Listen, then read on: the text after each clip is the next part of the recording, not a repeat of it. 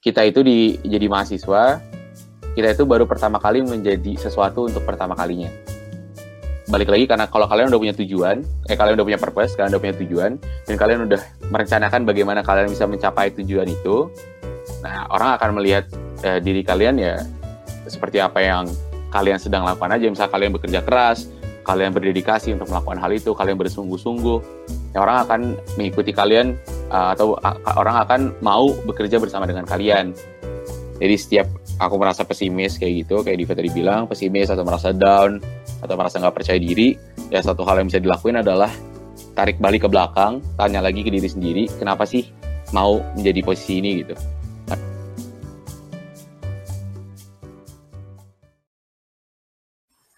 Lanjut nih kak. Uh, okay. Aku pengen bahas tentang sedikit tentang role model. Soalnya kan ada quotes okay. nih tentang every great leader has a great mentor, yep, and every great leader should become a mentor. Nah, kalau Kak Malik sendiri nih, kan kakak seorang pemimpin, ada nggak sih mentor uh, atau someone gitu yang kakak kagumin gitu? Ya, yeah.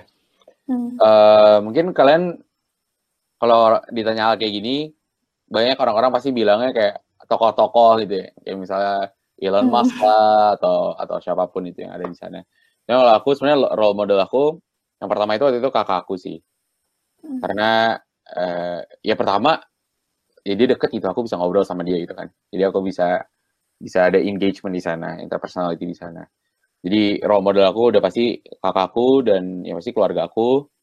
Dan uh, kalau aku boleh jujur ya, uh, pacar aku sih sebenarnya karena kebetulan kalau kakak aku, karena dia paling dekat, dia itu udah dia dia itu selalu bilang ke aku kayak gini. Kita itu sebagai kakak, tugas utama seorang kakak adalah memastikan adik-adiknya itu lebih baik daripada kakaknya. Gitu. Dan aku mem memiliki prinsip yang sama soal mentor dan mentee. Seorang mentor itu tugas utamanya adalah bisa menciptakan mentee yang lebih baik daripada dirinya gitu. Dan itu prinsip yang aku pegang sampai sekarang uh, yang sebisa mungkin ya aku nggak bilang aku adalah seorang mentor ya. Tapi sebisa mungkin kalau aku punya kesempatan untuk bisa memberikan atau berbagi hal kepada teman-teman yang mungkin sekiranya uh, ada di bawah aku secara umur atau mungkin secara pengalaman ya aku selalu jadinya selalu memegang prinsip itu. Bagaimanapun caranya orang yang sebisa mungkin mungkin satu tahun di bawah aku dua tahun di bawah aku uh, itu harus bisa lebih lebih lebih baik daripada aku gitu ya role model aku itu kakakku karena hal itu yang kedua mungkin pacar aku ya mungkin sekalian diceritain aja. Kalau dia itu ini sih role modelnya oke disiplin banget lah disiplin. Dan kalau misal tekun banget dalam melakukan sesuatu gitu. jadinya kalau aku selalu memegang teguh kalau role model itu harus adalah orang-orang di dekat aku gitu. Karena aku nggak tahu ya kalau misal orang kayak punya role model tokoh gitu ya Soalnya kan kita nggak bisa ngobrol sama dia, kita nggak tahu dia sebenarnya seperti apa kan. Mungkin kita lihat figur dia di sosial media atau misalnya kita lihat figur dia di internet. Mungkin quotes-quotesnya bisa diambil, tapi aku nggak pengen menjadikan mereka sebagai role model gitu sih. Karena aku nggak tahu sebenarnya spesifik sikap dia itu seperti apa sih. Dia itu sebenarnya apakah yang sebenarnya ada di media sosial atau ada di internet itu adalah uh, menggambarkan diri dia sebenarnya kita kan nggak tahu itu. Jadi aku selalu memilih untuk sebisa mungkin punya role model orang-orang di dekat aku. Dan pasti banyak sih di kampus, aku punya beberapa kakak-kakak yang kayak, jadi aku segmentasiin gitu. Oke, okay, organisasi dia mentornya. Oke, okay, akademik dia mentornya. Oke, okay, misalnya gym gitu, misalnya atau olahraga, mentornya dia gitu. Jadi kayak kalian itu sebagai aku ya, sebisa mungkin tuh punya guru sebanyak mungkin kalau aku yang mikirnya. Karena ya aspek hidup aku kan juga banyak ya, misalnya kayak uh, ya itu olahraga, uh, organisasi, pekerjaan, akademik itu kan ada aspek-aspeknya. Ya mungkin aku sebisa mungkin untuk nyomot-nyomot nih orang-orang hebat di luar sana atau kakak-kakak kakak-kakak tingkat yang hebat-hebat ya kalau sebisa mungkin aku comot semuanya dari dia gitu. Nah, cuma kalau misal dibilang role model utama itu sekitar di luar itu. Gitu. Keren banget, sih. Bisa loh, Kamalik tuh jadiin kakaknya sendiri mentor. Kalau aku sama kakakku tuh sering Aduh, sering cekcok yang ada tuh bukan Duh, jadi role model. Aku jadi pengen punya kakak, soalnya aku nggak punya. Oh gitu. oh, iya. Tapi biasanya kalau kakak cowok sih kayaknya enak cek. Kalau kakak cewek tuh, aduh ribut mulu. Emang kakakku cewek? Emang kakakku cowok? Oh, kakaknya cewek. Eh, kakaknya cewek? Aku kira cowok. Sotoy banget kita udah sama cowok-cowok aja. Terus gitu. Itu yang jadi pacar Kamali kayak beruntung banget gak sih? Disebut di sini coba. Halo pacar Kamali. Siapa tahu nonton kan? Halo. Siapa tahu nonton ya. Halo pacar Kamali. Siapa tahu nonton. Kak, kalau misalnya dari semua nih yang tadi dari role model, abis itu tadi banyak ada apa kesusahan-kesusahan yang dialamin tuh sama uh, memimpin. Apa sih kak yang bisa manfaat yang bisa kakak ambil dari semuanya, dari yang buruknya mau baiknya terserah deh. Hmm, pertama sih sebenarnya ini sih, uh, aku ngerasa selama empat mungkin tiga setengah tahun berpengalaman ini ada dua kata kunci yang sebenarnya bisa membuat kita bertahan atau mungkin berhasil di seluruh kegiatan yang kita lakukan. Yang pertama itu komitmen, yang kedua itu konsistensi. Menurut aku kita cuma butuh dua hal itu. Kenapa? Karena berdasarkan pengalaman aku, komitmen aja nggak akan pernah cukup tanpa adanya konsistensi. Jadi kalian mau mulai, kalian oke okay nih, kalian membulatkan diri untuk memulai. Kalian membulatkan diri untuk menjadi staff lead bank HMPSTI 2021 ya. Tapi kalian nggak konsisten untuk memiliki semangat itu. Di tengah jalan kalian akan burn out gitu. Di tengah jalan kalian akan burn out, ujung-ujungnya manfaat yang harusnya kalian dapetin gak akan semaksimal yang seharusnya kalian dapatkan kalau kalian konsisten dalam melakukannya. Jadi selama pembelajaran aku di jadi mahasiswa sekarang jadi jadi jadi masih jadi mahasiswa tapi uh, melakukan kegiatan hal lain dua kata kunci yang menurut aku paling penting di apa pun yang kita lakukan itu ada dua hal itu sih dan aku uh, mendapat banyak banget pembelajaran yang membuktikan kalau dua kata kunci ini merupakan aspek yang sangat penting gitu jadi selama aku menjadi ketua uh, ya aku harus selalu komit dengan dengan komitmen aku dengan tujuan aku, ya aku harus konsisten dalam menjalankannya gitu. Walaupun ada pandemi, walaupun ada permasalahan-permasalahan yang muncul, aku harus tetap konsisten gitu. Karena kalau misalnya komitmen kita gampang digoncangkan oleh situasi dan kondisi, kita nggak akan pernah sampai, kita nggak akan pernah bisa sampai tujuan gitu. Dan gimana caranya untuk bisa tetap ada sampai tujuan itu dengan konsistensi sih. Tuh, jadi menurut aku dua uh, dua kata kunci itu yang datang dari banyaknya hal yang dari banyaknya hal bahagia yang muncul untuk aku dan banyaknya hal yang mungkin sekiranya negatif datang juga buat kepada aku dua kata kunci itu yang yang yang menjadi pembelajaran terbesar menurut aku yang seharusnya mungkin aku berharap aku tahu dua kata kunci ini pada saat aku mulai berorganisasi atau aku mulai menjadi mahasiswa gitu mungkin dari situ aku harusnya bisa lebih lebih semangat lagi dalam melakukan aktivitas, lebih konstan lagi, lebih lebih lebih ya konsisten dalam melakukan kegiatan gitu. Jadi jadi pembelajaran paling penting aku sih sih komitmen dan dua kata kunci itu komitmen dan konsistensi gitu. Hmm. Keren banget. aku sekarang jempol aja, Cek. Iya, Kalau keren iya. terus kita ngomong keren terus iya, soalnya. Ini jempolin aku, Aku bingung harus respon apa lagi. Setiap omongannya itu bikin cengok gitu loh. Enggak lah. Nih Kak, kan udah cukup lama juga, udah banyak pengalamannya. Dari semua ya. pengalaman yang ada, apa sih pengalaman yang paling berkesan dalam memimpin? Dalam memimpin? Eh, selama memimpin. kan memimpin cuman uh, atau ya? organisasi juga boleh kak, sama organisasi iya. sama ini. Paling berharga ya. Iya. Sebenarnya waktu itu momen aku yang paling nggak kepik nggak nyangka ya sebenarnya. Jadi mungkin waktu itu teman-teman kalian tahu nggak ya? Uh, jadi uh, pada saat pandemi ini kan uh, ada masalah perihal dispensasi keuangan gitu ingat nggak? Yang hmm. uh, pokoknya banyaklah uh, keluarga mahasiswa yang terdampak karena hmm. karena hmm. karena pandemi gitu dan dan dan ya BEM kan salah satu wadahnya memang yang untuk berusaha untuk menyelesaikan hal itu. Momen yang paling aku ingat banget waktu itu kita selama satu minggu itu cukup hektik bersama tim ya sama teman-teman itu cukup hektik dalam mengurusi hal ini gitu. Di, di tengah-tengah kita harus menyelesaikan mas, eh, tantangan yang lain, kita cukup hektik lah di satu minggu time frame 6, 5 hari ini, kita tuh cukup sibuk lah kasarannya, begadang gitu, sampai malam-malam tiba-tiba uh, eh tiba-tiba nelfon dong rapat dan lain sebagainya aku nelfon sama ketua kepala-kepala lembaga yang lain, uh, sama tim-tim yang lain, sama, uh, sama BEM, sama internal BEM, sama mahasiswa, sama dot, sama, sama rektorat, kita ngobrol. Dan di momen waktu itu, uh, akhirnya ada surat edaran keluar, kalau misalnya uang pangkal atau atau UKPS dan SKS di, di semester itu nggak jadi naik, dan mahasiswa dapat kompensasi 500 ribu itu, itu Itu itu menurut aku ya uh, so far sih itu salah satu pengalaman yang nggak bisa aku lupain sih. Karena kenapa? Karena aku juga ngelihat teman-teman dari BEM itu dia mereka benar-benar standby gitu sampai jam 3 pagi, jam 4 pagi mereka tuh standby karena nunggu keputusan gitu.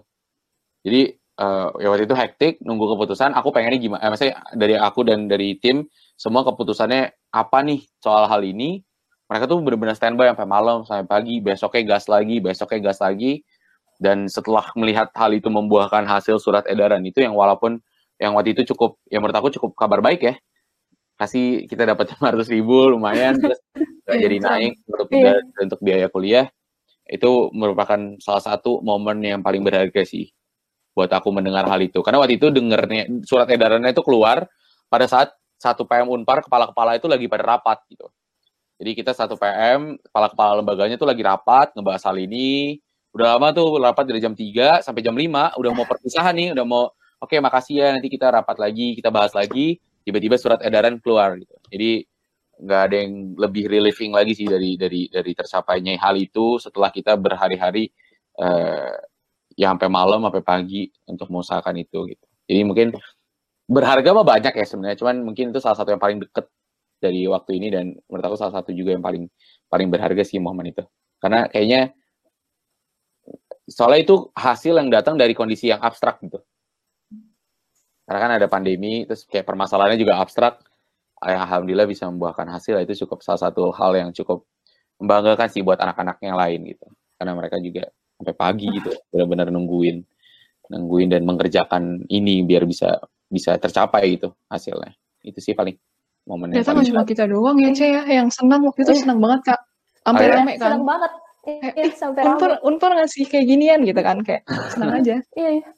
Ternyata di balik lima ratus ribu itu ada ceritanya ya. iya. Terus usahanya juga terbayarkan banget itu pasti rasanya. Iya sih, benar-benar. Ya itu semua ya kudos tuh anak-anak lah yang yang yang merumuskan pertanyaan, semuanya menyimpulkan data-datanya, membuat analisis kita kasih ke rektorat. Aku mah cuman ya cuman ngasih-ngasih doang gitu ke rektorat nih hasil dari dari tim cuman itu sih benar-benar salah satu hal yang ya syukurlah kalau kalian merasa kayak gitu. So. Iya. Oke. Nih Kak, pertanyaan terakhir. Oke. Okay. Coba dong kasih tips buat teman-teman semua yang nonton, Cie yang nonton. Gimana nih gimana nih kalau misalnya pengen mau jadi pemimpin cara belajarnya atau apa yang harus mereka pelajari dari eh buat biar, biar bisa jadi pemimpin yang baik ya. mungkin pertama uh, sebenarnya kan pemimpin itu kan kalian menjadi seorang pemimpin kan bukan berarti kalian harus menjadi jabatan tertentu gitu loh saya mungkin kadang miskonsepsinya orang adalah jadi jabatan dulu baru jadi pemimpin gitu sebenarnya kan mungkin harusnya ya kalian jadi pemimpin di mana pun kalian berada, bagi diri kalian sendiri, bagi lingkungan kalian, dan jabatan atau mungkin posisi itu bonus. Jadi yang pertama, ya kalian harus yang pasti harus tentuin dulu sebenarnya eh, diri kalian itu purpose-nya apa sih itu, apa sih yang mau kalian lakuin. Jadi kalian jangan jadiin kayak acuan, oke okay, pokoknya gue harus jadi pemimpin gitu. Menurut aku sih pola pikirnya nggak kayak gitu. Menurut aku pola pikir pertamanya adalah apa yang mau kalian lakuin dulu, ya bagaimana cara kalian lakuinnya, kalian udah punya purpose-nya, kalian udah tahu tujuannya apa, kalian tahu bagaimana cara mencapainya, dan ya kalian nggak mungkin bisa bekerja mengerjakan itu hal itu semua sendirian gitu. Ya, kalian pasti kan ngebangun tim untuk menyelesaikan permasalahannya, kalian membangun uh, koneksi dan relasi dengan semuanya untuk bisa mencapai hal tersebut. Ya, ya mungkin lama kelamaan kalian akan dipilih oleh lingkungan kalian untuk memimpin atau atau menyelesaikan permasalahan itu. Jadi menurut aku poin pertama yang kalian harus ingat adalah menurut aku bukan berarti kalian harus mendapatkan posisi tertentu untuk menjadi pemimpin, tapi ya kalian bisa menjadi pemimpin itu kapan pun dan posisi adalah bonus. Kalau menurut aku itu. Yang kedua, eh, kadang aku sering dengar ya, kadang pertanyaan-pertanyaan yang datang ke aku tuh pasti gini, kak pernah capek gak sih? Kak pernah pernah pernah stres gak sih? Gitu. Atau kak pernah pernah tadi kayak kalian pernah down gak sih pada saat uh, uh, memimpin lem satu lembaga? Jawabannya adalah uh, pasti pernah gitu. Itu manusiawi lah. Itu manusia pasti pernah stres, pasti manusia pasti pernah capek, dan manusia pasti pernah merasa uh, kalau apa yang mereka lakukan itu kurang gitu. Cuma satu hal yang pasti itu adalah bukan berarti kalian adalah menjadi sebuah ketua lembaga atau kalian menjadi pemimpin di suatu situasi atau suatu environment, kalian tidak bisa merasakan hal itu gitu. Kalian harus bisa terima hal itu dan tapi kata kuncinya adalah kalian harus bisa bangkit lagi dari uh, dari masa-masa itu. Di saat kalian down, kalian stres, kalian nggak percaya diri, ya kalian harus bisa bangkit lagi. Dan menurut aku salah satu cara yang paling solusional bagi diri aku adalah dengan uh, tarik balik, tarik balik, tarik ke pertama kali kalian kenapa masuk, uh, kenapa kalian memutuskan untuk melakukan suatu kegiatan, dan itu akan menjadi uh, main purpose kalian dalam melakukan kegiatan. Dan mungkin yang terakhir, uh, kalian itu, ya misalnya konteksnya kalian adalah seorang pemimpin lembaga ya, atau pemimpin apa pun, yang paling kalian harus lakukan adalah investasi waktu. Jadi kalian harus banget investasi waktu kalian, bukan cuma untuk melakukan kewajiban kalian, tapi juga untuk bersosialisasi dengan anak-anak kalian gitu. Kayak misalnya uh, kamu jadi jadi jadi staff lead bank, kalian harus investasiin waktu juga untuk komunikasi sama teman-teman kalian, even gak cuma di luar kerjaan gitu. Misalnya aku jadi ketua BEM kemarin, ya sebenarnya aku harusnya investasi waktu untuk ngobrol sama ring satu aku, ngobrol sama kepala bidang aku, kepala departemen aku, staff-staff aku. Karena keberadaan itu yang paling penting gitu. Kalau menurut aku ya berdasarkan pengalaman, menjadi anggota atau menjadi ketua kepala lembaga, ya keberadaan itu sangat penting. Dan salah satunya untuk bisa memberikan keberadaan adalah dengan memberikan investasi waktu dan tenaga.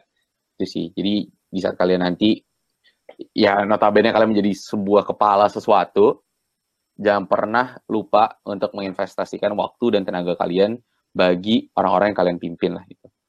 Dan menurut aku itu sangat penting sih untuk untuk kalian merelakan diri kalian. Ya nantilah kalau misalnya kalian capek, ya ntar dulu deh capeknya nggak apa-apa kok pergi ketemu sama anak-anak kalian itu sama teman-teman itu itu penting banget soalnya eh, terlepas dari apa pun posisinya even cuman misal kalian jadi koordinator even kalian koordinator kelompok nggak cuman ya misal kalian koordinator kelompok atau mungkin kalian tim dari dari dari satu kegiatan ke kelompok ketua kelompok dari satu kegiatan menurut aku itu penting banget sih untuk melakukan hal itu.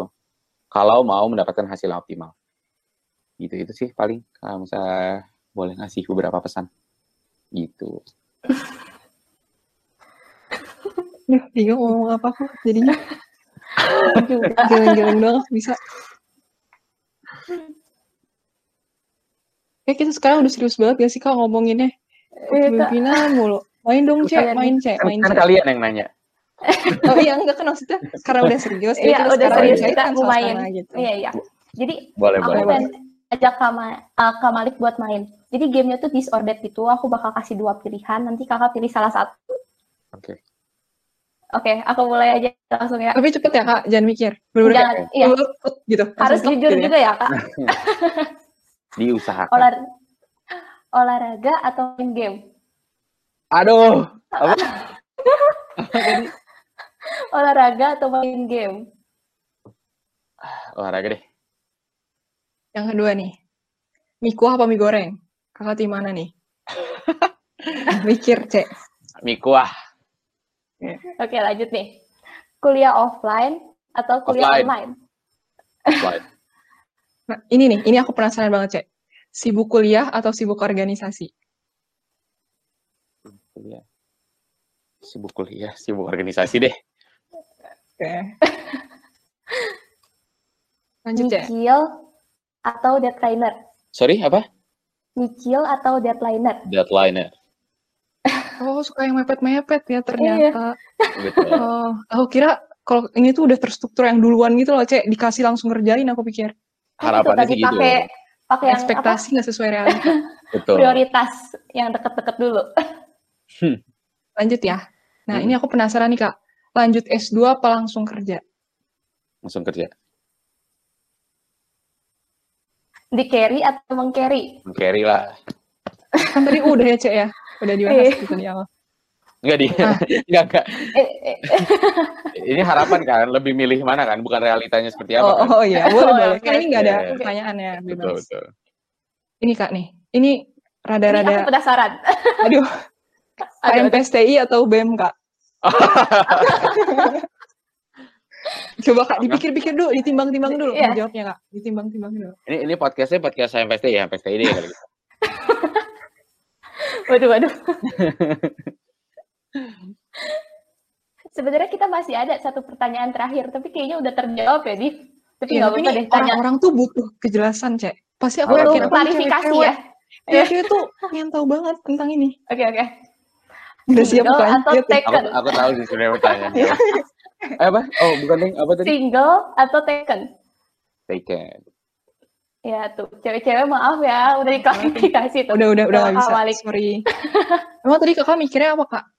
Belum mikirnya apa ya, Enggak, itu sih kayaknya. Soalnya tadi ngomong kan udah terjawab, bisa aku mikir kayak, ya tadi itu kan hal yang nggak nge pasti kalian nggak nge aku bakal ngomong hal itu kan di iya benar-benar iya iya. gitu. Senang banget bisa ngobrol sama Kak Malik hari ini. Sampai gak keras nih udah hampir 50 menit ya bentar lagi. Oh iya. Iya nggak kerasa loh. iya kirain kita nggak akan selama ini. Iya kirain nggak akan sama ini dari semua yang udah ah, dari semua yang udah Kak Malik omongin nih kita belajar banyak banget ya cek. Dari yang tadi bikin kita cengok semua kan tuh pengalaman ya. tuh terus nasihat-nasihatnya juga. Semoga juga bisa bermanfaat nih buat teman-teman yang lain ya kan? Ya dapat banyak banget insight baru hari ini. Iya nih oke deh buat menutup kita uh, pengen kayak Kamalik ada nggak sih pesan-pesan gitu buat sobat onje yang dengerin buat sobat onje ya. Iya. Uh, mungkin untuk sobat onje maksimalin aja waktu kalian selama menjadi seorang mahasiswa. Karena kan eh, singkat ya sebenarnya empat tahun itu singkat. Jadi pertama pesan pertama yang aku bisa sampaikan bagi teman-teman adalah kalian sebisa mungkin selama menjadi mahasiswa itu explore eh, segala opportunity yang bisa kalian dapetin gitu. Karena mungkin pada saat kalian lulus eh, ruang untuk kalian melakukan eksplorasi itu lebih sedikit. Kenapa? Karena banyak tanggungan atau tanggung jawab yang harus kalian penuhi lah setelah kalian menjadi atau kalian lulus menjadi seorang mahasiswa. Jadi selama kalian masih punya kesempatannya, kalian masih punya waktunya, kalian masih punya tenaganya, sebisa mungkin explore sebanyak sebanyak banyaknya. Kalau kalian cuma tahu nih, misalnya kalian cuma tahu A, kegiatan A, B, C, ya kalian coba explore lagi. Ada apa sih di luar sana? Ada apa sih yang belum kalian pernah coba? Karena apa? Karena empat tahun ini adalah masa kalian menentukan sebenarnya kalian mau menjadi seperti apa itu menurut aku atau menjadi apa. Jadi empat tahun ini yaitu kalian jadi mahasiswa ya kalian adalah waktunya belajar. Nggak cuma belajar di kampus, belajar kehidupan, belajar segala alternatif yang kalian belum pernah ketahui dan dan dan gak ada waktu yang paling tepat selain jadi selain pada saat menjadi seorang mahasiswa gitu. Jadi paling buat sobat onje, uh, apalagi masa pandemi ya, masa masa pandemi, masa online itu mengizinkan kita untuk terekspos kepada dunia luar, baik itu dalam negeri atau luar negeri. Ya sebisa mungkin kalian aktif mencari ada apa aja sih di luar sana, aktif mengikuti juga kegiatan apa aja yang ada di luar sana, uh, ataupun di dalam di kampus kita sendiri. Gitu. Jadi mungkin pesan untuk sobat aja eksplorasi sebanyak-banyaknya dan juga jangan lupa jangan maju sendirian karena kalian pasti punya teman-teman walaupun masa online jangan lupain teman-teman kalian. Kalau ada opportunity kalian kasih tahu ke teman-teman kalian. Kalau ada kegiatan yang menarik kalian kasih tahu ke teman-teman kalian. Karena nggak ada nggak ada yang lebih uh, memuaskan bagi diri kita di saat kita bisa maju dan berkembang bareng-bareng sama orang-orang yang paling kita sayang. Itu sih paling pesannya buat sobat onje. Mantap banget mantap banget. Berarti kita harus bisa bagi waktu yang baik terus jalanin apa yang lagi dijalanin juga ya kak ya? Ya. Oke, okay, mantap. Betul, betul, betul. Nah, buat narasumber pertama kita nih Kak Malik, makasih banyak buat waktunya mau Terima ada di kesempatannya. Ya Kak, makasih banget. Makasih banyak Kak. Eh, selamat berpuasa juga Kak. Besok kita mulai oh puasa. Oh iya. Selamat, selamat puasa juga buat Iya, selamat puasa. Padahal ini ya nggak bisa sahur bareng gitu ya. Kalau dulu aku sama teman-teman yang nggak puasa aja ikut sahur gitu. Ya benar-benar. aku juga udah merencanakan sama teman-teman. Oh gitu. Batal. Batal, Batal. semua ya.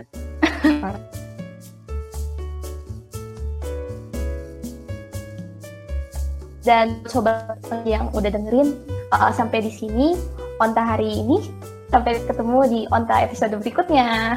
Dadah. Dadah.